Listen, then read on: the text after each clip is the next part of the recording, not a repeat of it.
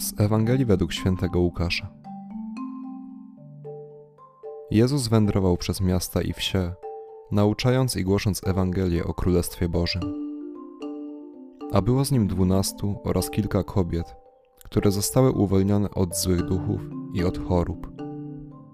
Maria, zwana Magdaleną, którą opuściło siedem złych duchów, Joanna, żona Chuzy, rządcy Heroda, Zuzanna i wiele innych, które im usługiwały, udzielając ze swego mienia.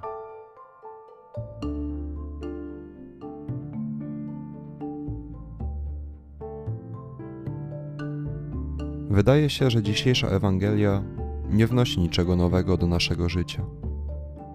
Brak w niej wzmianki o jakimś nowym cudzie Jezusa, ani nie pada w niej nawet chociażby jedna jego nauka. Święty Łukasz zaznacza tylko, że Jezusowi w głoszeniu Ewangelii towarzyszyli mężczyźni i parę kobiet.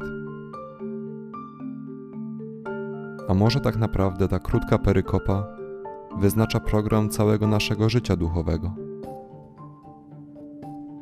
Ignacy Loyola nazwał założone przez siebie zgromadzenie Towarzystwem Jezusowym. I chyba tak naprawdę o to chodzi w całym naszym życiu. By iść za Jezusem i być Jego towarzyszem wszędzie, gdzie pójdzie. By iść z Nim do przyjaznych i nieprzyjaznych domów. By towarzyszyć Mu w chwilach triumfu, jak i w chwilach pozornych porażek. By nie zrażać się drogą, trudnościami, zmęczeniem. Tym, że niewielu w dzisiejszych czasach chce iść za Panem. Trzeba towarzyszyć Mu, nawet jeśli czujemy się dopiero co uwolnieni od złego ducha a nasza przeszłość jeszcze nazbyt nam ciąży. Towarzyszyć, nawet jeśli nam się już nie chce, a wiara bardziej nas irytuje niż pociąga.